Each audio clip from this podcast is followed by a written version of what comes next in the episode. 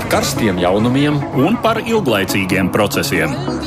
Par idejām, par cilvēkiem, par naudu un par laiku. Par abām mūsu planētas puslodēm, un lietojot abas smadzeņu puslodes. Ēterā raidījums divas puslodes. Aizsmeļamies, Tomsons, sakiem, labdien! Kolēģis Edvards Liniņš uz nedēļu devies atvaļinājumā, tādēļ šodien nāksies iztikt mums pašu spēkiem. Protams, tas nenozīmē, ka tāpēc raidījumā kādas izmaiņas, kā vienmēr, analizēsim. Informāciju esam apkopojuši šoreiz kopā ar producentu Evijunām. Nu, lai arī ir bijuši vairāki tādi komentēšanas vērti notikumi pēdējās dienās, šodien grasāmies visu uzmanību pievērst tikai un vienīgi notiekošajam Ukrainā. Intriģējošākās ziņas vakar pienāca no Krīmas, kur nopostīts ir karalidlauks.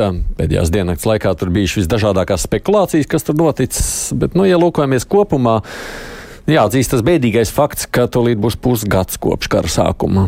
Pie tām traģiskajām ziņām no Ukrainas esam jau pieraduši, un to, kas īsti notiek šobrīd frontē, bieži arī vairs nezinām un nesaprotam.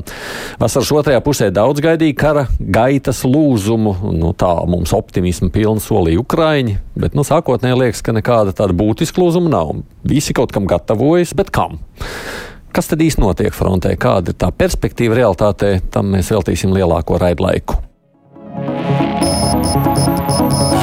Pārnāsim arī kādas metodas abas puses izmanto karā un kāpēc parādījušies ir pārmetumi ne tikai iebrucējiem Krievijai, bet arī Ukrainai. Pēdējās dienās daudz ir apspriests Amnesty International ziņojums, kas izraisīja plašu rezonanci. Ko šādi ziņojumi nozīmē, kas notiek karā, kurā nu, agresoram arī šķiet nav nekādu svētu principu. Studijā kopā ar mani ir bijušais Nacionālo bruņoto spēku komandieris ģenerālis Remons Graube. Labdien! Jums. Labdien! Un Zemesardzes štāba pārstāvis kapteinis Jānis Slaidiņš. Labdien! Sveicināti! Nu, lai ievadītu mūsu tematā, sāksim kā parasti ar dažu tādu faktu apkopojumu. Ja vēl vasaras pirmajā pusē ikdienas pienāca ziņas par ļoti karstām kaujām Donbasā, Krievijas karaspēkam lēni, bet pamazām graužoties iekšā Ukraiņas teritorijā, Tad pēdējās nedēļās šādas ziņas ir gandrīz pieklusušas. Jā, uzbrukumi notiek, cilvēki iet bojā. Ukraiņa cenšas noturēt ieņemtās pozīcijas, un Krievija neatlaižas.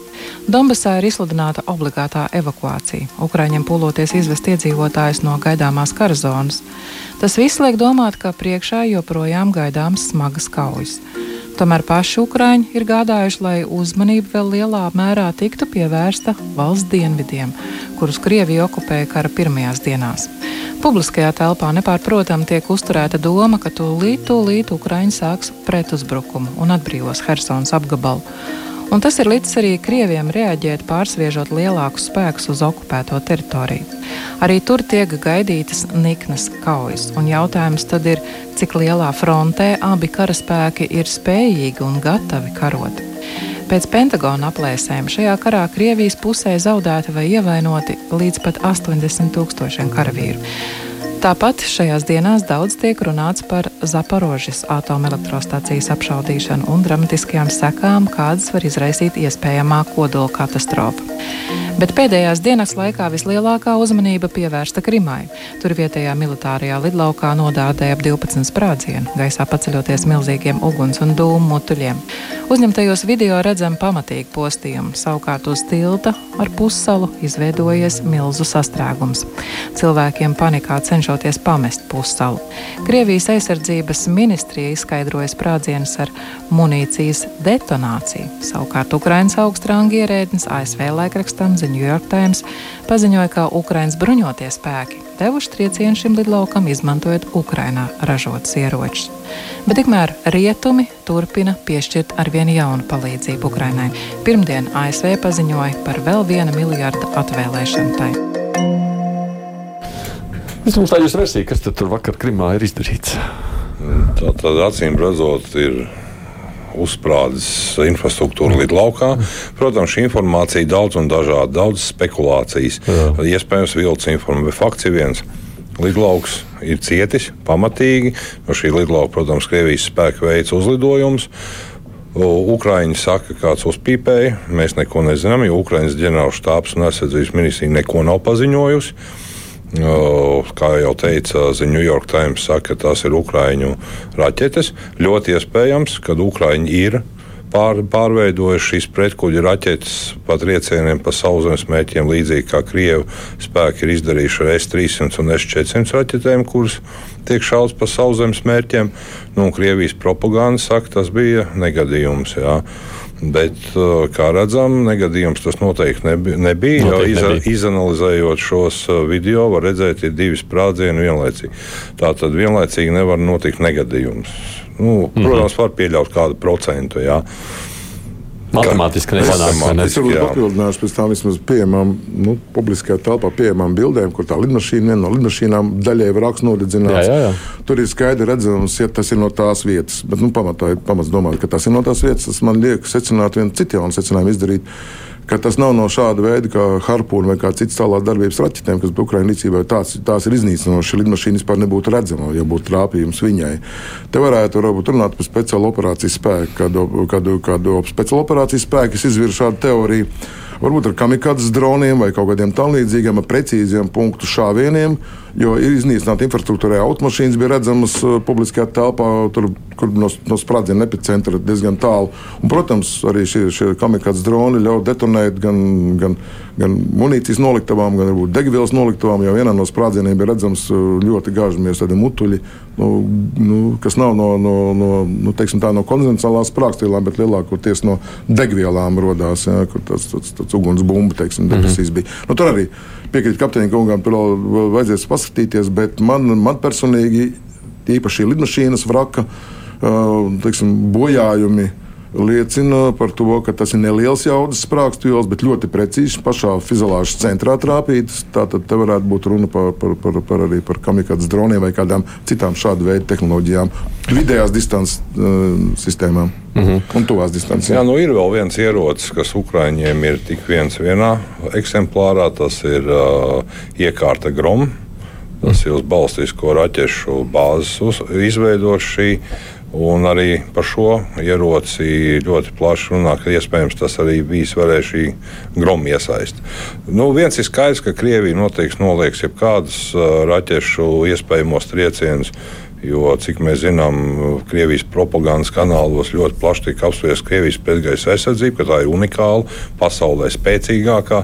Un, protams, tagad, ja tas būs Ukraiņas trieciens, tad jautājums, ko ir darījusi Krievija, Krievijas bruņoto spēku pretgaisa aizsardzība. Jā.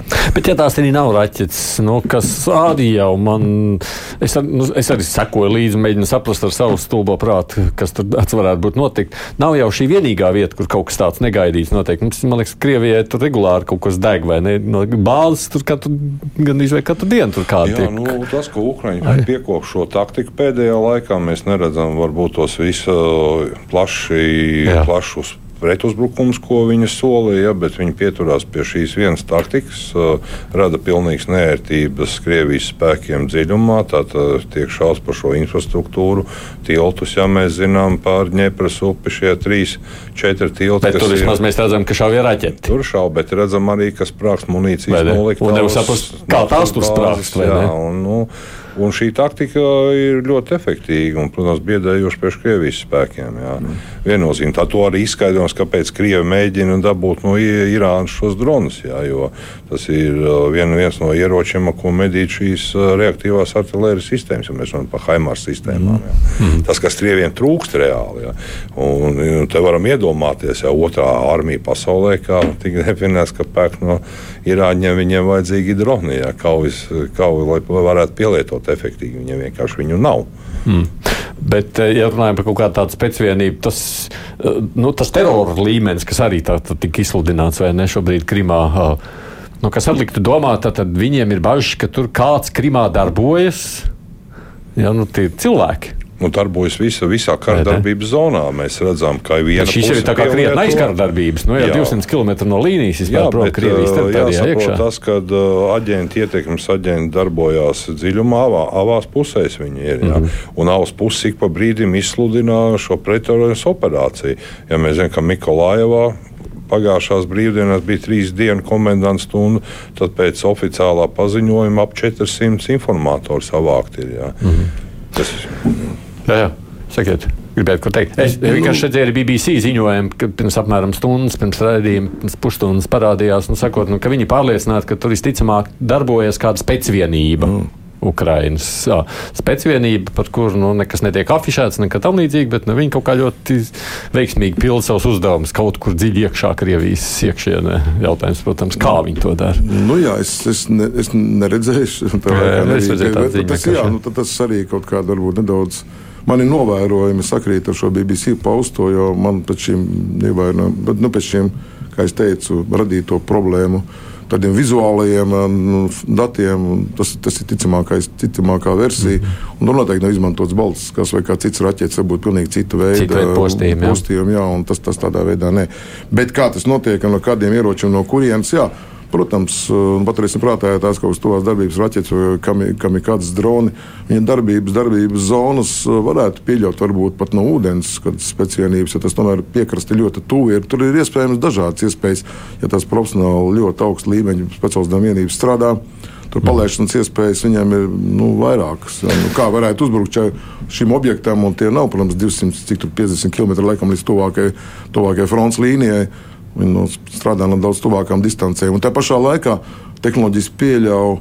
Viņiem nebūtu varbūt piecu vai, vai, vai trīs km. Pašiem, pašiem viņiem nav jābūt tur iekšā tajā teritorijā, nē, nē, nē, lai tie, kaut ko tādu izdarītu. Tas ir šādā veidā, kaut arī tie paši droni, kam ir kāds droni, arī viņi gaisā var turēties 15, 20 minūtes, ja nemaldos, atmiņu neviļņu tehniskie dati. Tas nozīmē, ka nolidošanas attālumi ir pietiekami lieli, lai spētu spētu ietekmēt arī no kaut kādas pirmās aizsardzības līnijas, ārpus šīs pirmās drošības līnijas, Krievijas veidotās. Krievi nav spējīgi jā, kaut kā to, jo nu, mēs jau redzam, tās, tās, tās bāzes šur un tur deg visu laiku, vai ne? Tas nozīmē, ka viņi nav spējuši atkost, kā pašlaik varētu ne, to apturēt. Nu, redziet, es domāju, ka tā ir tā vecā padomu laika slimība. Tur tomēr ir tāds krievu valodā tāds jēdziens avošs nu, varbūt izdosies. Viņi nepievērš uzmanību šīm mazajām, ļoti būtiskajām detaļām, mm. arī tehnoloģiski. Arī pat tās iespējas, kas ir viņu rīcībā, nevar teikt, ka Krievijas uh, militārā tehnoloģija ir uh, nu, jā, parādīga, viņa ir stipri vecā, novecojušāka vai ne tik moderna, kā viņa varbūt prezentē, bet, viņu, bet joprojām viņa ir spēcīga. Bet tā galvenā Krievijas problēma ir vienmēr bijusi šo viņu rīcībā esošo līdzekļu spēju uh, munīcijas ieroču pareizu izmantošanu. Tā skaitā arī rūpes par, par, par drošību, rūpes par karavīru, par dzīvībām. Es domāju, šī, šī milzīgi, milzīgi vecā, manuprāt, nu, cariskās Krievijas nākošā problēma rāda savus augļus tādā modernā karā kur pretinieks nestrādā konvencionāliem, konvencionāliem metodēm, kur pretinieks strādā ļoti, ļoti gudri, ļoti nu, moderni, ja tā var teikt, ir izmantotas modernās tehnoloģijas. Un redzam, ar šādu plānošanu, šādu attieksmi ir šis pārākums, jo šis mazās nolaidības, neprecizitātes tur kaut kur. Tur kaut kur kaut ko ne, ne, neizrēķināja, tur kaut ko nepieskatīja, tur nepareizi izveidoja aizsardzību, tur nepareizi novietoja radaru. Es nezinu, visas šīs niansītas kopumā rada rada, dod Ukrāņiem lielu priekšrocību. Es domāju, tas pats attiecās arī uz kuģi Maskavas, kuģi Maskavas nogremdēšanu, tas attiecās uz šo lidlauku bombardēšanu, ko mēs nezinām. Mēs nezinām, cik reizes Ukrāņiem varbūt nav izdevušies šādas operācijas. Ja? Mhm. Bet tā ir daļa no kara lietas. Plānot, ka simtprocentīgi izpildīsies visi plānotās operācijas, pilnīgi nepareizi. Ja? Šāda tik, tik augsta mēroga operācija viena no piecām realizējās, wow, tas, tas, principā, tas ir labs rezultāts. Jau, ja? Tā es to definēju. Nu, jebkurā gadījumā, kas tur bija, kas nebija, ja, bet uh, Krievija vairs nejūtās droši Krimas ja, pussalā, ja, un viņi var gaidīt arī turpmākos uh, šādu veidu pasākumus vai nu, partizāņu puses vai nu, Ukraiņas bruņoto spēku puses. Ja. Un mērķis ir sasniegts, mēs redzam, ka tur ir panika sākusies.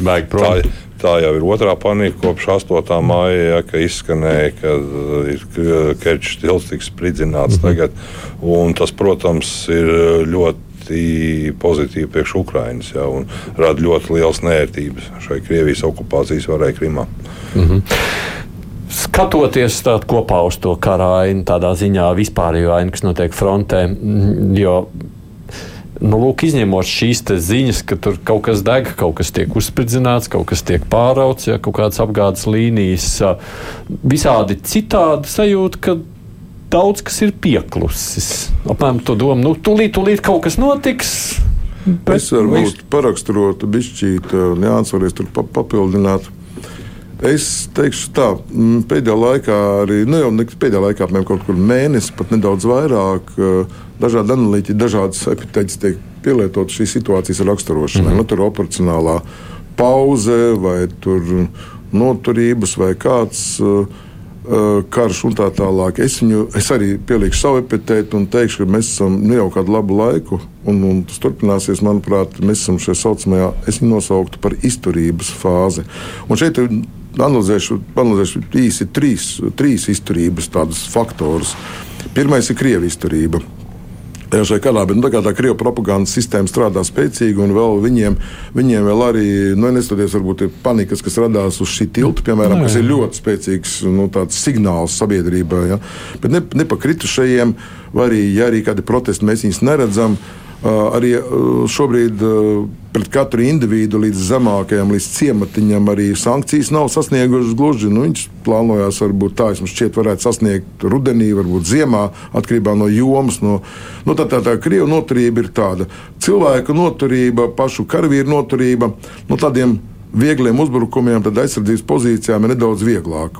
Jo patiesībā, ko Ukraiņi šobrīd dara, viņi, viņiem ir liel, nu, relatīvi grūti varbūt, būt tādā iet uzbrukumos, vai radīt problēmas pie frontes līnijām vai tiem karavīriem, kas ir. Nu, tur, ir tur ir zaudējumi, ir, bet viņi tādi tad ne tik lieli, kā tas bija pirmajā, pirmajās nedēļās vai pirmajā mēnesī. Bet Ukrāņi, protams, aptur un darbojās, strādā uz, uz, uz kā jau pieminēts, uz bāzēm, uz munīcijas noliktavām, uz komandu centriem kas savukārt slāpē uzbrukuma iespējas. Viņa drīzāk viņš ir kā tāds aizsardzības faktors. Mm. Tagad nonākam atpakaļ pie Ukrā, otrais ir Ukrāņu iznoturība. Ukrāņiem nedaudz sarežģītāk ir, jo atšķirībā no Krievijas, viņi tomēr savai sabiedrībai stāsta, varbūt zaudējums ciparos nemīn, bet viņi, viņi par šo kara darbību nepārtraukti stāsta par kara darbību. Krievijas televīzijā nestāsta par kara darbību, tur pa uzvarām pamatā tur rāja vai nu kaut ko tur stāsta, pasakas par kaut kādiem sasniegumiem, nākotnē par badī, no, nu, izbadējušo un sagrautu ekonomiku, sagrautu Eiropu un visādi aizpilda šādu uzstādījumu pamatā. Ukrāņi stāsta par savu kāru, un tur tauta gurst, un tur patiešām nāk. Tur Plus vēl tāds psiholoģisks, tā kā teikt, un, nu, tūlīt būs, nu, tūlīt būs. Jā, jā, un ir tie solījumi, un tie kolaboracionieri un tā tālāk. Tā kā, tā kā, tur, bet ir viens trešais faktors, kas patiesībā, manuprāt, ir visbūtiskākais, un tā ir rietumu noturība.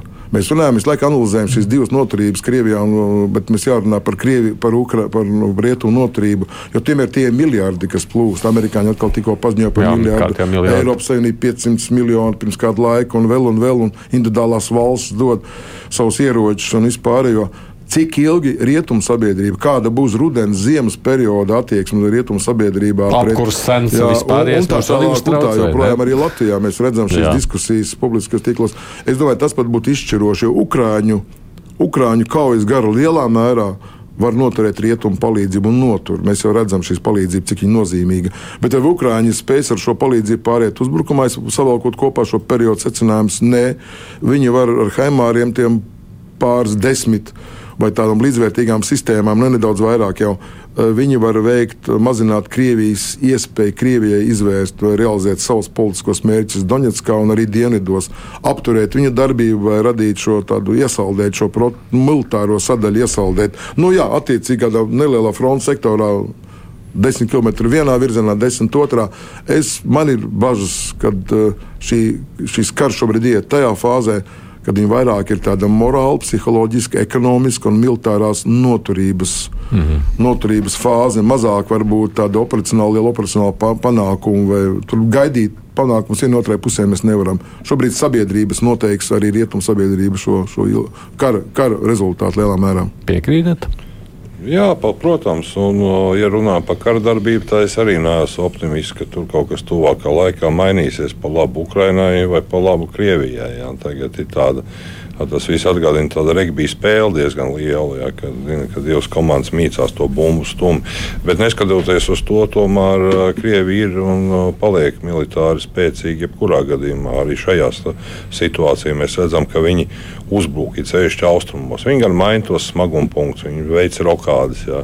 Un te parādās, ka Zaporīža un Hersona ir viņu strateģiskais galvenais uzdevums, viņus noturēt. Un tur viņi darīs visu, lai viņi to izdarītu. Tas, ka karš šitas sākās no Krievijas puses, ka Doņetskas un Luhanskas republiku atbrīvošana jā, un iziešana uz Armēnijas robežām, mēs redzam, ka tas tā nav. Un viņiem ir pilnīgi vienalga, kas īstenībā notiksies Doņetskā un Luhanskā, ja viņam galvenais ir šī Hersona un Zaporīža. Nu, pirmkārt, jau tas ir vieta, ja, kur viņi ir atspieduši Ukrainu no, no Azovjūras. Nekur nav atmests cerības virzīties uz Mikolāju un uz Odesu. Ja, tātad tas ir nākamais pilnībā. Ukraina atstumt no Melnās jūras piekrastes, no osām un iziet, protams, uz Piedņestru redzam, ka tur ir lielās atomelektrostācijas. Ja. Novakahiv, kas apgādā visu Krimu ar dzeramo ūdeni. Ja. Tad, tas ir tās vietas, kas ir Donbasā. Tur jau ir astoņi gadi karš, tur nekā nav. Mēs redzam, kāda ir pielietotā taktika, kur parādās šie Krievijas uzbrukumi. Tur pilsētas beidz eksistēt. Ja. Mēs redzam, ka no pilsētām nepaliek pār nekas Lisičāns, Severodoņetska. Tagad Krievijas spēki izdara spiedienu uz Bahmutu. Viņa ir ļoti arī svarīga uh, strateģisku vietu, jo, ja krītot Bahmutai, Krievijas spēki var turpmāk uzbrukt jau uz uh, Kramatorsku. Tas ir liels ceļu krustojums, liels Ukraiņas apgādes punkts. Jā. Mēs redzam, ka šīs kaujas notiek varbūt informatīvajā telpā. Uh, netiek runāts daudz par šīm kaujām. Karš šobrīd ir tāpat nežēlīgs, asiņains ar upuriem abās pusēs un krievi tomēr metru pa metram iet uz priekšu. Austrumos redzam arī Donets, kas iepriekš bija tā nosacīti mierīgi. Ja? Mēs redzam Avģījevu, Pīsku apdzīvoto vietu, kas ir diezgan leģendāra jau no 14. gada. Tātad, ja tur sabruks šī Ukraiņas armijas aizsardzība, tas būs atkal iespējams lēciens, izmantojot šoseis virzīties uz priekšu Ukraiņas dziļumā. Neveltu Ukraiņu pēdējās dienās ir sadabūjuši pārmest uz turieni rezerves lai spētu noturēt to. -hmm. Krieviem tur ir tehniskais pārsvars, ja artērijas ziņā. Ja Ukraiņi tomēr savu artēriju galveno koncentrē tieši dienvidos, Zaporīža, Hersona, ja, pie Harkivas ziemeļos, tad ja, vairāk uz Doņetsku viņiem ir šīs problēmas. Ja, arī to pašu Ukraiņu karavīru atzīst, ja, ka nepietiekami. Kāpēc viņi uztur tajā publiskajā telpā visu laiku to nu, arī šodien vēstījums? Hersona bišķi pacietieties, tūlīt būs. Bet tas ir informatīvais, jā, nu, tas ir ļoti svarīgi. Uzturēt, ilgstoši nevar. Nu, jā, vari... redzat, es domāju, tas ir tas, tu, ko es teicu par sabiedrības tādu nogurumu. Jā. Mm -hmm. nu, viņu šādos karos un konfliktos, nu, ekonomiskās grūtībās, tā skaitā var, var cilvēku uzmundrināt vai dot kādu ticību pozitīvās ziņas. Tā ir daļa no informatīvā kara abām pusēm, jebkurai pusē, un jeb, jebkurās grūtībās, jebkurai tautai patiesībā ir ekonomiskas, arī Latvijā. Protams, Jā, protams kad e, dot pozitīvās ziņas, varam ironizēt par viņām, kad tur premjerministrs vai kāds cits saka kaut ko pozitīvu, bet, bet tas ir tas, kas, nu, kas ir jāsaka. Nu, ka, nu, kā, citādi nevar teikt. Ir Bet paralēli jābūt arī patiesībai, kaut kādai, protams, patiesībai. Ukrāņi, rakstot situāciju, Ukrāņi, atšķirībā no Krievijas, nemelo pēc būtības. Viņi varbūt izceļ sev izdevīgākus faktus, bet Krievijas melo vienkārši mm. 180% melnu, pasludina pa baltu un tā tālāk, ka vispār nav karš un tā tālāk bezjēdzīgi meli. Nu, tad, jā, tā ir daļa no, daļa informatīvā kara. Un vienīgi, bet tā arī daļa no kara, redz, tur, kā, kā, kā Jānis raksturoja to, to situāciju. Tomēr tas politiskais mērķis, kas viņam ir nu, iekšpolitiski, viņam paralēli tas, ko aiz kadra nepasaka Putins par atbrīvotajām saucamajām zemēm, kas iet uz, uz austrumiem no, no Dņepras. Jā, visa, visa tā sadaļa. Tas ir viens. Tas it kā nebija plānos. Bet, nu, tas tur ir paņemts, tāpēc, ka Krievi paši, kas dzīvo, tauta vēlējās to, cim redzot, tā tiks pasludināts beigās ar, ar daudziem bezjēdzīgiem referendumiem. Bet, bet politiskais mērķis tomēr Donbasa, Donbasa ieņemšana līdz galam Luhanskas jau ir realizēta un Donbasa. Tad lūk.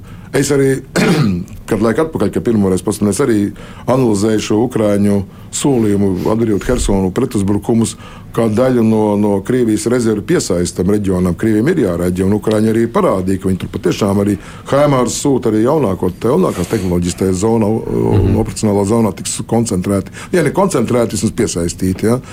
Nu, lūk, tad, tad arī pārsviežot vai jaundibinātās vienības tur ir. Nu, ja tās visas tiktu koncentrētas Doņetskas rajonā, varbūt viņi nebūtu dienā kilometrs, varbūt dienā būtu desmit un viņi būtu kaut kāds mērķis sasnieguši. Tā, tā ir daļa no lielas tādas spēles, un to tā arī jāskatās.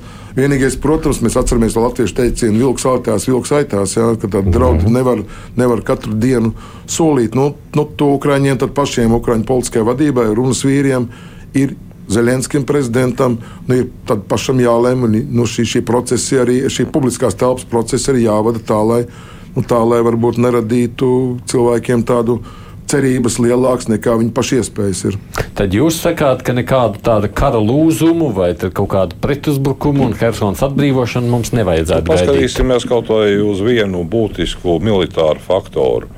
lielās pilsētas, Hersona, kas ir tālāk, ir tur uh, blakus viņai. Labi, nav. Izgāja no galvas. Melitopolā. Tātad Krievi viņus pārvērtuši par nocietinātiem rajoniem. Tāpat kā Ukraina pārdeva Mikolāju, Odesu. Mm -hmm. Tur iekšā ir pilns ar civiliedzīvotājiem. Kā var veikt uzbrukuma operācijas, kur jau tā jābūt pārsvaram, lai apdzīvotu vietu, iztīrīt vismaz 1 pret 7, 1 pret 10. Mm. Un bez artērijas un aviācijas atbalsta nav iedomājama kaut kāda militāra operācija. Un tad jautājums, ko tad darīt? Jā. Un iedzīvotājs no turienes vismaz Krievijas pusē necenšas laist laukā, ja viņi tur ir koncentrēti, lai izvairītos no šiem triecieniem. Jā. Nu, mm -hmm. Pavisam vienkārši. Es vēl Jānu papildinātu, ka redzat, Pagriezīsim atpakaļ tos operācijas, skatot to pašu Mariupolu, piemēram. Ja mēs redzam, ko nozīmē kaujas pilsētās, un Krievu taktika bija nodedzinātās zemes, par to ir daudz simtiem reižu runāts. Jā, Neatkārtošu, bet tas ir veids, kā militāri mēģināt iekrot pie tam Krievu. Uh, gan aviācijas, gan ar, īpaši artērijas, konvencionālās, vienkāršās artērijas, vidēji, vidējas attāluma un tālāk darbības artērijas pārs, pārsvars par ukrāņiem. Es nezinu, cik ir vismaz viens pret desmit. Ar visu to cik efektīvi Ukrāņi aizsargājās. Un tagad pagriezīsim to pašu otrādi. Ja teiksim, Ukrāņi ies iekšā pilsētā, Krievijas jau var aizsargāties. Nu, tāpat nu, kaut ko jau māca tas karaspēks, nav jau ka nemāk. Un viņi iz, iz, izsist no pilsētas ārā bez artērijas, bez, bez, bez ugunspunktu iznīcināšanas, kas ir kaut kur pagrabos, dzīvokļos un tā tālāk mājās. Nemaz nevar.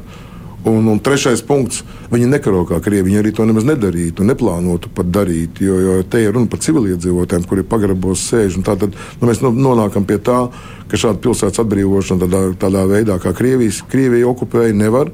Un tad paliek spēkā aplenkšanas vai kaut kādas visādi mhm. manevru darbības. Un, bet arī tad nu, šo, šo, šo gredzenu noturēt vai šo aplenkumu ir ļoti, ļoti sarežģīti, jo arī, arī Krievija to saprot un arī kaut ko plāno. Nu, jā, tas viss tāds, tāds, tāds, tāds secinājums, ka varbūt, lai nebūtu pārāk pesimistisks, es teikšu, kad runājot par šo noturību, tas lūzums var būt arī Krievijā. Tas gan nav izslēgts, ka Krievijā varētu būt politiskais, kaut kāds iekšējs, kaut kāds sprādziens, paskatīsimies visas pārmaiņas lielās, vai revolūcijas, vai, vai puča periods, 91. gadsimta vai kādi citas pagriezieni, tie visi ir pēkšņi ātri, tie ir dienās skaitāmi notikumi. Dienās uzsver, nevis tur nedēļās vai mēnešos. Viņš kaut kur apakšā rūkst. Lūk, kaut kā gribētos ļoti ticēt, ka kaut kas tāds varbūt kaut kur notiekās, kad vai nu veselības stāvoklis vadonim vai vēl kaut kas. Kaut kas var pēkšņi mainīt, un tas, manuprāt, būtu labākais risinājums. Vai arī pēkšņi kaut kāds sabrukums kaut kādā frontes sektorā, morālais padošanās vai mukšanas Krievijas, Krievijas karaspēkā, demoralizācija, kas nes līdzi tādu, tādu lavīnas efektu. Vai es liktu daudzus šādu pieņēmumu? Nē, noteikti, bet, bet nu, tā varbūt būtu vis tāda cerīgākā, jo runa, kā es arī analizēju sākumā, par noturību. Un šī noturība attiecās arī uz karavīru fronts līnijām. Un šis var ilgt gadiem. Šis var ilgt gadiem. Nu, tas ir labākais, gadiem, labākais scenārijs, kas varētu notikt. bet neizmirsīsim šī Krievijas propaganda kā strādā. Viņi 19. gadā gatavoja Krievijas iedzīvotājs karam, tas bija trīs gadu atpakaļ. Karš notika. Tagad viņi gatavo Krievijas sabiedrību karam pret NATO jā, un uz ilgstošu kāru. Jā. Un, ja mēs redzam, ka tur jau daudz domāšanu nevar vērst tā vienkārši pēkšņi krasi mainīt. Putins slikts, Krievijas vienotā Krievijas slikta novada uz Krieviju, ka tā būs revolūcija. Tas nebūs tik ātri. Tas, protams, ir labākais. Jā. Bet uh, vēl šī krievu propaganda strādā. Viņi strādā tiešām efektīvi. Ja, ja mēs paskatāmies, kas notiek Krievijā, tur jau tie, kas saprot, tie ir pametuši Krieviju lielākā daļa, jā, un tie, kas padodas šai, viņi joprojām tic, ka Ukrainā ir nacisti. Jā, tur mēs par to pašu Somiju, ka viņi aizvakar sāk Somijai draudēt ar taktisko kodolu triecienu par to, ka viņi ir noņēmuši pieminiektu no otrā pasaules kara karošu Vācijas pusē. Jā. Tikai tur. Bet es Paturot Jāņa domu, es arī tajā saskatu, gribētu saskatīt pozitīvu lietu. Proti, ka Krievijas šī propaganda pati sev brīžiem šauja kājām. Viņa ir sapinusies savā tādā me melu tīklā, kurā, no kuras viņam ir diezgan grūti tikt ārā. No vienas puses, jā, gan Maskava, gan tas lidlauks, kuģis Maskava, gan lidlauks.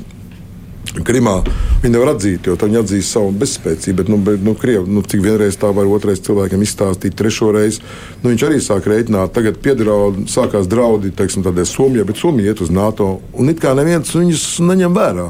Joprojām turpina rietumu. Viņš it kā mm. stāstot nākamo faktu, pats spiest atzīt, ka neskatoties to, ka mēs pirms mēneša draudējām ar taktiskiem ieročiem, process notiek, viss notiek, ieroči tiek piegādāti joprojām. Un te varētu kaut kāds lūzums būt, jo, jo mēs redzam, kādā veidā arī Krievija, jā, Krievija tauta ir gatava karam, bet vairāk ar domu tādu, ka karam, kad nu, nu, mums tur ir uzbruks gan jau. Mēs paskatāmies tagad pēdējās tās tendences ruporiem galveniem, kas raida tos signālus, kādiem kā Solovjam, kā jau zinām, visiem slaveniem, ja, un, un, un, un, un tiem visiem Simonijam un tā tālāk. Viņam principā ir tāda rupora par to tēmu, kas ir jā, jāattīst visiem pārējiem. Ja. Tas šobrīd, iepriekš runāja par šo kārtu, vairāk ne, viņi izdarīs to, tagad nāks virsū, un tad mēs karosim, mēs tā kā aizsardzības kauju. Tagad arvien vairāk šais nedaudz psihopātiskajos un trakajos raidījumos. Runa par to, ka mums taču jāuzbrūk tagad. Viņiem mēs viņiem tulītās tur uzbruksim un kaut kas jādara, jo beig, beigās cik tā var.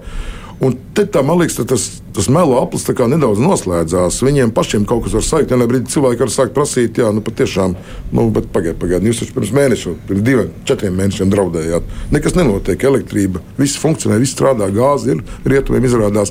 Tā kā te varētu būt kaut kāds efekts noturības arī Krievijas sabiedrībā.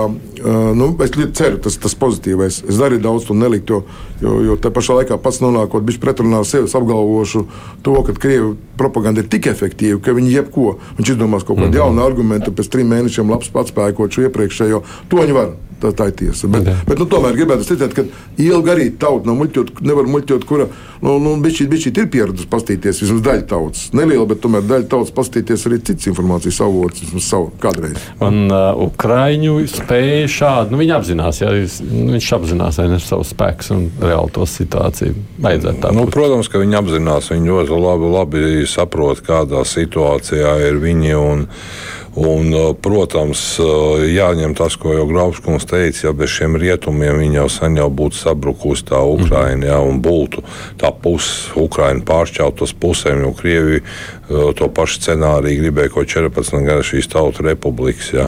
Un pilnīgi skaidrs, ka Ukraiņiem tagad nav kur atkāpties, viņiem ir jāiet līdz galam, un to arī viņi apzinās. Jā, ka tikai cīņa varēs, ka šī tauta varēs pastāvēt, un valsts bez cīņas nekas nebūs. Jā.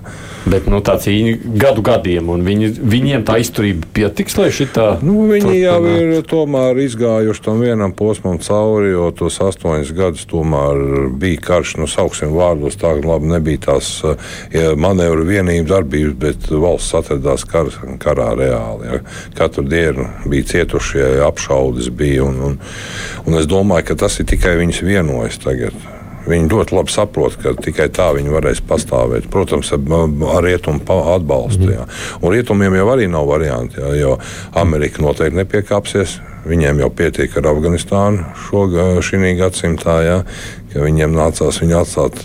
Tā būtībā ir nu, viņu sakāve tur, teiksim tā, ja, un otru viņi negribēs piedzīvot. Ja, nonākt zem kaut kā piekāpties Krievijai. Nu, Viņam reiz tā gadiem maksāt visu laiku Ukraiņiem, lai tie nu, turpinātu. Ja mēs runājam par militāro to pašu Lenlīzi, tad jāsaprot tas, ka tā atkal naudas apgrozījums rūpniecība attīstās, jā, jo viņi jau zaudējumos noteikti nebūs no šīs Lenlīzes, no šīm mm. militāriem. Ja mēs redzam, ka tā rūpniecība iepriekš militārā varbūt nestrādā tādu jau, tad viņi sāk strādāt arvien vairāk. Jā.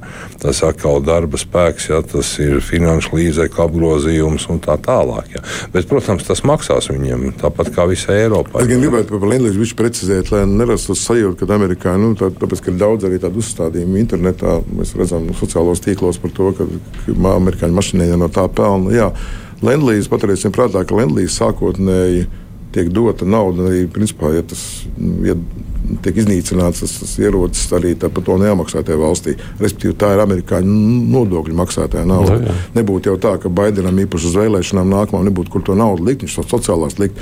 Tas, ka viņš ieliks militārā rūpniecībā, radīs kaut kādas papildus 10 tūkstošus darba vietas, varbūt viņš šo naudu varēs uz nezinu, 10 miljārdus vai 50 miljārdus varēja novirzīt citām. Ar to piemēru gribu teikt, ka tik novienkāršot te nevar skatīties, ka apgroz naudu. Jā, protams, ka kaut kāds darbietis kaut kur nāks klāt, bet kaut kur kaut ko zaudēs. Jo no Amerikā Amerikas ekonomika arī, manuprāt, nav pašā spīdošākajā, teiksim, savā ekonomiskajā, domā, īpaši Jā, jā, šobrīd, ar Ķīnu, jā, ar Ķīnu un dolāru kursu un tā tālāk. Nu, tur gan dolāru kurs savādāk bija šķīt.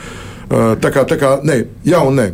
Jā, protams, zaudējumi pilnīgi ne, bet, bet nu, Latvijas gadījums nav tas, ka visa nauda būs kaut kad Ukrāņiem jāatgriež. Tā nav. Ja viņi patur šos bruņojumus, tad jā.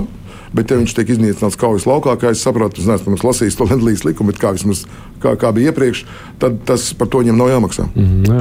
Uh, Ukrāņiem nav jāmaksā. Tas ir palīgs amerikāņu nu, nu, teiksim, nodokļu, nodokļu maksātāju rēķinu. Nu, jebkurā gadījumā tas jautājums arī par mūsu izturību šeit ir aktuāls. Nu, vai mēs pielāgosimies? Tas ir, protams, tāds cilvēciski. Mēs pielāgosimies, beigās atradīsim, kur elektrību dabūt un gāzi kaut kā izdzīvosim bez un mēģināsim tikt pāri. Un tad, lai viņi tur karo, apmēram tā. Nu, es varbūt negribētu, ka mēs noslēdzam šo teikumu ar tā, viņi tur karo. Tāda ir vienkārši teiciena, tāpēc, ka viņi karo mūsu vietā. Un tas gan ir fakts, kas visu laiku jāpatur prātā. Bet, kas attiecās uz grūtībām, es negribu emocionāli tur daudz runāt par to, kādas ir viņu grūtības, kādas ir mūsu grūtības. Uh, bet es tomēr domāju, ka valdība meklēs un atrod un kaut kādas palīdzības, palīdzību. Mēs, es domāju, mēs, mēs tieši Latvijā mēs izturēsim. Mm. Un neskatoties to, ka mums var būt 200, 300 vai 400 eiro pielikums pie gāzes, vispār pie komunāliem ir milzīgs par tām pensijām, kuriem pensija tāda, tādā apmēra cilvēkiem ir. Ja? Man drīzāk bažas ir par rietumu sabiedrības noturību, kur tie, tie paši 400 centi jāpieliek būs. Un pēc tam valdības palīdzības paketes būs noteikti bagātākas. Bet viņu pensijas ir pusotru tūkstoši, piemēram, viņiem ir 200 pasliktinājums. Un kā viņi, viņi izturēs? Un es par mums mazāk šaubos. Mm. Tas ir tas, tas tā, tā es domāju. Nu, lai mēs mazliet tādu attēlu pirms vēl tādu kopsavilkumu uztaisītu, ir kāds aspekts, ka nāks pievērst uzmanību no nu, tām metodēm, par kurām mēs te jau pieminējām. Vispār jau visi ir pieraduši tik ļoti, ka Krievi ignorē kādas starptautiskās tiesību normas, un tad nežēlo no savējos, ne citas. Krievi to pašu saka par Ukraiņiem, kā zināms, savā propagandas stāstā.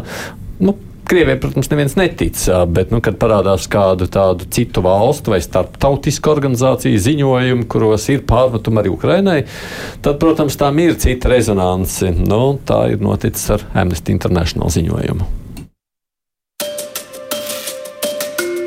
Pagājušā nedēļā, ceturtdienas rītā, Startautiskajā cilvēktiesība organizācija Amnesty International, kas apvieno ap 3 miljoniem biedru vairāk nekā 150 valstīs, izplatīja ziņojumu ar nosaukumu Ukraina, Ukrainas kara taktika apdraud civiliedzīvotājus. Tajā četrās nodaļās sadalītā dokumentā autori norāda, ka Ukrainas militāra personas cenšoties atvairīt Krievijas iebrukumu pakļauj briesmām civiliedzīvotājus, veidojot bāzes un izvietojot ieročus dzīvojamo namu rajonos, skolās un slimnīcās. Tiesa konkrētas iestādes, to adreses un uzbrukuma laiku autori nenosauca. Pētījumā vien norādīts, ka Ukraiņas bruņotie spēki bāzējušies dzīvojamās ēkās 19 pilsētās un ciemos Harkivas, Donetskas un Mikolājevas apgabalos. Tikai vienā ziņojuma nodaļā kritika tiek veltīta arī Krievijai. Aizrādot, ka tās spēki Ukrainā veids triecienus nekritiski izvēlētiem mērķiem. Ukraiņas valdību šo strauji reaģēja. Ukrainas ārlietu ministrs Dimitro Kuleba steidza norādīt, ka Amnesty International nevis meklē un mēģina darīt zināmu patiesību, bet cenšas radīt aplamu līdzsvaru. Savukārt jau tās pašas dienas vakarā Ukrainas prezidents Volodimirs Zelenskis paziņoja, ka Startautiskā cilvēktiesība organizācija ar šāda narratīva izplatīšanu pārnes vainu no agresora uz upuri un iesaistās Krievijas dezinformācijas un propagandas kampaņā. Viņš ziņojumu nodēvēja par amorālu un atgādināja, ka Krievijas spēki vairāk kārt apzināti ir apšaudījuši ar artēriju un mīnmetējiem cilvēku rindas pēc ūdens, evakuācijas autobusus, sabiedriskā transporta pieturas, veikuši raķešu triecienus pret memoriāliem, kapsētām, kā arī kara gūstekņu nometni Oļiemkā. Bet ziņojumā tas neparādās. Divas dienas vēlāk par savu atkāpšanos no amata paziņoja šīs organizācijas Ukrainas biroja vadītāja Oksana Pokaļčuka. Savu rīcību pamatojot nevien ar nekvalitatīvo ziņojumu saturu, bet arī Ukrainas biroja izolāciju no tās sagatavošanas, iespējams, lai nodrošinātu neutralitāti. Jāpiebilst, ka Krievija jau aprīļa sākumā aizvēra starptautiskās cilvēktiesību organizācijas Amnesty International biroju un izslēdz to no Krievijas starptautisko organizāciju un ārvalstu nevalstisko organizāciju reģistra. Divas puslodes! Es atgādinu, studijā kopā ar mums šeit ir bijušais Nacionālā bruņoto spēku komandieris ģenerālis Remans Graubi un zemesardzes štāba pārstāvis kapteinis Jānis Lēdiņš. Ar kādām sajūtām jūs šo ziņu dzirdējāt vai uztvērāt? Teiksim, es tur vispār nebrīnītos par to. Mēs zinām, ka Krievija tagad dara visu, lai mēģinātu apturēt šo rietumu valstu gudro munīciju piegādes jā. uh, Ukrainai. Jā. Otrs variants, mēs zinām, cik Krievija ir pietiekami liels, plašs ietekmes aģenti, ko viņi visus šos gadus kultivējuši, attīstījuši, maksājuši. Trešais par kara darbību. Protams, jebkurā kara, kā, jebkurā militārā konfliktā pēdējo 4-5 gadsimtu laikā, varbūt pat vēl ilgāk, vienmēr ir civiliedzīvotāji cietuši. Diemžēl tā tas ir, bet tur neko nevar darīt.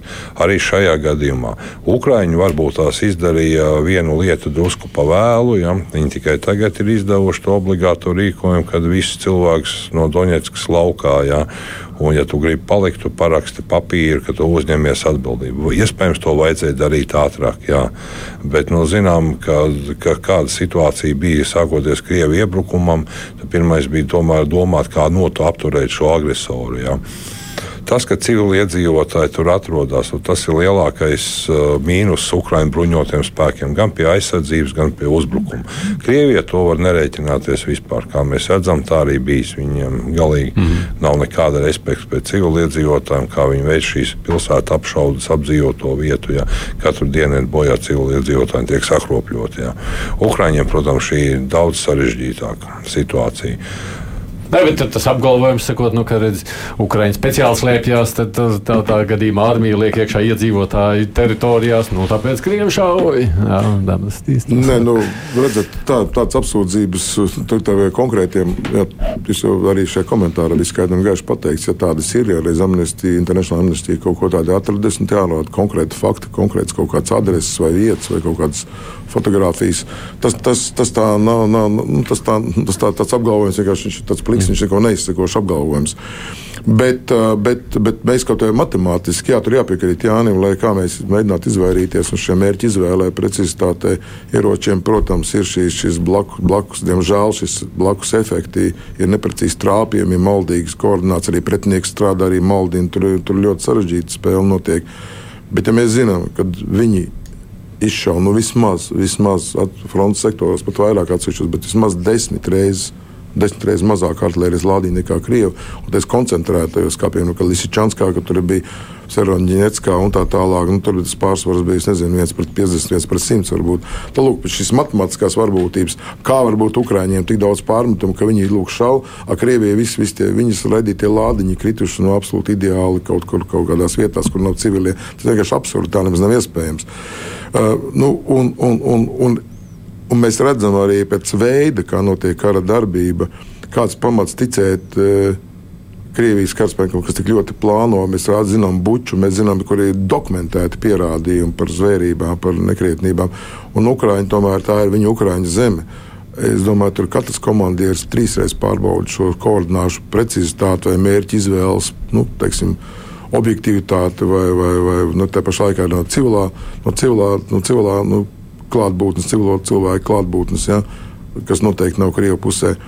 Tāpēc, tāpēc eh, šie apgalvojumi ir absolūti uzskati nepamatot un, un, un melīgi.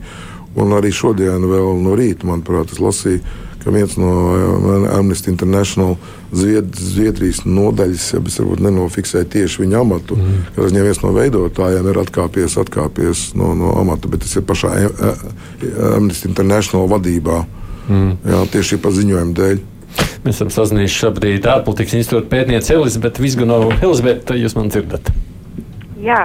Labdien! Labdien. Kā tas izskatās? Amnesty International kļūst par kā, Krievijas propagandas upuri, vai varbūt tur ir iefiltrējušies, vai kas tas ir? Kā tad jūs vērtētu?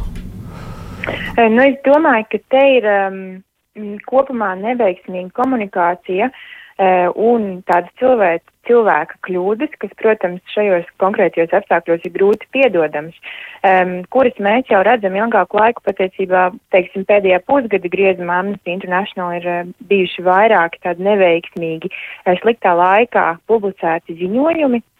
Tajā skaitā uh, šis te uh, Krievu troļu uh, izspēlētais joks ar Amnesty International vadību, pēc tam, ka tā atņēma un pēc tam piešķīra Aleksiem Navalņiem citziņas gūstekņa statusu vēl pagājušā gada, ja nemaldos, novembrī. Mm -hmm. attiecībā uz šo ziņojumu par Ukrainu jāsaka, ka patiesi slikti izvēlēts laiks un slikts komunikācijas veids. Kā pati Amnesty International um, atzina 7. augustā šo savu atvainošanos un paziņojumu, nu šī atvainošanās gan jāsaka īsti nebija atvainošanās pēc būtības, drīzāk tāda lavierēšana ar tekstu. Um, tika norādīts, ka viņi nevarēja at atklāt šo te uzbrukumu uh, vietu koordinācijas un tā tālāk, bet tā rezultātā rodas jautājums, kāpēc šādu tekstu vispār publicēt, ņemot vērā to, ka tas īsti neko nedod un patiešām diskreditē šo te organizāciju, kas ir tik nozīmīga starptautiskās cilvēktiesību sistēmas um, tāds kā balsts. Uh, jo jā, jā, jāsaka jau, ka šī ir patiešām milzīga starptautisko cilvēktiesību organizācija, kas strādā arī ar ANO, kas tiek starptautiski sadzirdēt, viņiem ir milzīga platforma, uh, bet tā vietā viņi rīkojas šādi patiesi neprofesionāli, nesaprotam, kur tad ir iekšējā kvalitātes kontrola, kas ir normāla starptautisko organizāciju uh, tāda darbības sastāvdaļa. Nu, tad, tad reizēm nu kā, tur jau ir šaubas par to, ka tā ir neprofesionālitāte, nespēja apšķirt vai vienpusēja informācija, vai kas tad tas varētu būt beig beigās. Nu, uh, jāsaka, es domāju, vienpusēja informācija tā ir pilnīgi noteikti. Šajā ziņojumā nebija pietiekami uzsvērts, uh, kā attiecīgi uh, tur bija norādīts, ka neatstājas no Krievijas šos te uzbrukumus, bet, nu, mm, jāsaka, es domāju, ka tas bija krietni par maigu teikts uh, šajā te ziņojumā, kas pats bija gana īsti, bija jāvāc krietni vairāk, teiksim, sadaļas, vietas, lai norādītu, ka Ukraina šajā karā patiesi ir, ukra, ir upuris skaidri jānorāda, ja, ka upurs tā tad aizstāvās. Uh, pirms izteikt kaut kādu kritiku par izvēlētajām metodēm, un gal galā, nu, būtu jau arī bijis uh, šī ziņojuma sastādītājiem jāsaprot, ka upurim uh, tā tad ir jāaizstāvās tur, kur notiek kardarbība. Nu, šķiet, ka šī organizācija apzināti vai neapzināti to ignorēja. Um, Un jāsaka, nu, ka tā, tā ir tā tad neprofesionālitāte, iespējams kaut kur iekšēji, tā tad ir pazuduši šī patiesa Ukraiņu balss, un tas jau arī ir skaidrs, ņemot vērā to, ka Ukraiņu birojas bija izolēts no šī te ziņojuma veidošanas, un tā tad iespējams ir viņa bijis patiesā kļūda. Viena no tādām rekomendācijām nākotnē būtu vienkārši paprasīt komentāru no Ukraiņas aizsardzības ministrijas, tas vismaz kaut kādā veidā ļautu leģitimizēt šī ziņojuma saturu, ņemot vērā to, ka tur nekā konkrēta īsti nav tikai tikai apsūdzītas, kurām nav seguma. Kā te beig beigās ir iemesta ēna tagad pār Ukraiņu starptautiski, vai tomēr izdevies ir Ukrainai kaut kā nu, spēt stāvēt tam pretī? Nu, es domāju, ka Ukraina ļoti veiksmīgi noreaģēja un uh, spēja tātad izteikt šo savu uh, balsi, kas arī, es domāju, tika sadzirdēta, nu, īpaši, protams, Baltijas valstīs uh, un šajā te uh, mēdīju sfērā, kas uh, tik aktīvi iesaistās Ukrainas atbalstam. Uh, taču, nu, jāsaka, ka kopumā jau tā ir vēl viena tā bumba Kremļa vārtos, uh, pavisam neapzināti. Organizācija diskreditācija tiek grauta starptautiskā cilvēktiesību sistēma, un jāsaka, ka pat bieži, kad mūsu diplomāti nevar stāvēt, eh, teiksim, dažādu tādu ekonomisko attiecību dēļ par cilvēku tiesībām, to dara šīs organizācijas. Ja, kaut arī mēs vēlētos, dažreiz mēs to vienkārši nevaram darīt, jo ir eh, starp valstu attiecības, bet nu šeit, diemžēl, šī organizācija sev ir diskreditējusi, un, nu, jautājums ir patiesi, eh, vai tas nemet ēnu arī uz citām starptautisko cilvēku tiesību organizācijām, protams, ka met, un, un Krievijas propagandai būs kaut kad nākotnē iemesls izvilkt to no saviem failiem un pateikt, pateikt, bet paskatieties, kādas kļūdas viņi pieļauj un kā tad viņi strādā. Paldies, Elizabete. Elizabete Vizganova, kas ir ārpolitikas institūta pētniece, bija pie telefona. Nu, tas ir tās informatīvais, nu, nu, ta, tas ir arī vārdu karš, vai ne, visu laiku šajā. Es gan, es gan, es gan teiktu tā, raksturotu, ka tā tomēr ir liela Krievijas propagandas uzvara. Runājot par šo noturības karu, Krievija, diplomāti, politika, politiskā daļa strādā ar valstīm, tā pašās apvienotās nācijās, ne jau visas, teiksim, no Āfrikas un cit, cit, daudz citu valstu valstis vai neitrāls, ja pozitīvs attiecībā uz Krieviju. Arī ar šo, arī šo graudu tirdzniecību tiek pasniegta tādā veidā. Bet atgriežoties pie šī, ja nemaldos, vai nebija 12. datumā. Kad bija kad apvienotās nācijas Krievi, drošības padomē, Krievija sasaukusi izskatīt šo jautājumu Amnesty International. Tātad, ja viņiem ir kaut kāds starptautisks, leģitīms iemesls, Nu, tad viņš to brīdi būs kaut kāds falsificētos, gan jau atradis. Izrādīsies, ka bija kaut kāda materiāla, kas pierāda to, kaut kādas prezentācijas, ja tas notiks. Tā tad viņiem jau ir tāds juridisks pamats, nevis ka mēs ierosinām, bet mēs ierosinām apspriest kaut kādas starptautisks, zināmas visiem organizācijas teiksim, spriedumu. Vienīgais tas labums, ka viņi paši viņus tikko bija jau nodiskutējuši savā valstī, izslēguši un pateikuši, ka viņiem var iegrūst. Nu, redziet, tā propagandas sistēma viņu pagriez sev par labu. Tas ir tas aikido princips, ja pretinieks spēku izmantot, ka viņi apgalvot, redziet, redziet, viņi noteikti ir objektīvi tieši neskatoties to, ka mēs viņus neatzinām, bet tāda objektivitāte tikai pastiprinās viņu prāt. Tā kā tur arī savas viltības var būt. Jā. Nu, jebkurā gadījumā kaujas lauks ir sarežģīts, ja mēs ņemam šo aspektu. Viņš galīgi nav vienkāršs. Ir tik daudz apdzīvotas vietas. Un, Nu, no. Ar civiliedzīvotājiem. Bet šajā kontekstā vēl viena nianses, ka mēs šodien ļoti maz pievērsām uzmanību, cik jāraizējas par to, kas notiek ap Zaporožas atomelektrostacijā. Jā, nu, Krievija turpina vicināt šo kodolu rungu. Jā, tā informācija gan tur ir dažāda. Vēl grūti pārbaudīt, kas tur īsti ir. Vai viņi no, tiešām viņu ir minējuši vai nav minējuši. Jā. Redzam, ka arī Ukrāņi nedēļas divas iepriekš iedeva arī triecienu ar drona kamikats, gan ne pa pašu, mm -hmm. kā saka, bet blakus, blakus esošo virtuālu lauku izveidoto. Jā, Tagad Krievija, protams, visticamāk, ka viņa veids šīs apšaudes, jo Ukraiņiem ir ļoti laba pieredze ar Černobiļu kas tur notika. Jā, viņiem noteikti nav izdevīgi nu, no veselā saprāta mēģināt šaut pa šo teiksim, nu, atomstaciju, kuras sprākstot var radīt nu, ļoti milzīgas problēmas. Jā. Un Krievija, protams, to izmanto. Jā. Tā ir vicināšanās ar šo kodolu rungu. Jā. Bet tā tikai palika kā tāda vicināšanās. Tas ir jautājums. Jā, es, es, es, gribēju to komentēt. Es domāju, ka šeit, nu, gan lai kurā kura pusē, lai kas tur arī notiktu, nu, pamatā, protams, tā ir Krievijas puse, bet nu, šaut tieši pa kodola reaktoriem. Nu, un, prāt, tas būtu vis, vis, ne, tas dīvainākais lēmums, kuram nav nekāda ne sociāli, ne politiski, nekāda labuma. Ir vienīgi, vienīgi traģēdija un problēma. Bet kas man par šo Zaporožu? Nu, nu, Krievu kontrolētajiem energonesējiem visvairāk satrauc bija tā pēdējā ziņa ka šobrīd, kā Ukraiņa apgalvo, notiek šo energones nu, līniju atslēgšana, mm. Ukraiņas zonas atslēgšana un viņu pārlikšana uz, uz, uz Krimu, uz, uz, Krimu jā, uz, uz, uz Krievijas, Krievijas kontrolētajām teritorijām. Jā. Tur gan atslēdzot, saprot, arī Helsona laikam tomēr skar, jo laikam tik ļoti nodalīt nevar, jo jaunas līnijas no Krievijas nav. Bet kāds ar nebūtu? Es domāju, ka tā ir tā īsta atbilde patiesībā. Varbūt viņš caur to kaut kādā veidā savai sabiedrībai Krievijā leģitimizē caur šo radošo neskaidrību, šo, šo kodola rungu, kaut kāds attaisnojums iekšējai lietošanai, mm -hmm. pārpasaulē ne, bet iekšējai. Man pat vairāk tas satrauc, jo šī, pro, šī gan varētu būt ļoti nozīmīga problēma. Ukrainai? Ukrainai, protams, arī Ukrainas ekonomikas atjaunošanai, ja šī līnija gadījumā paliek gadi, gadu garumā paliek šī kaujas līnija pa Dņepras, tā, Dņepras, upi.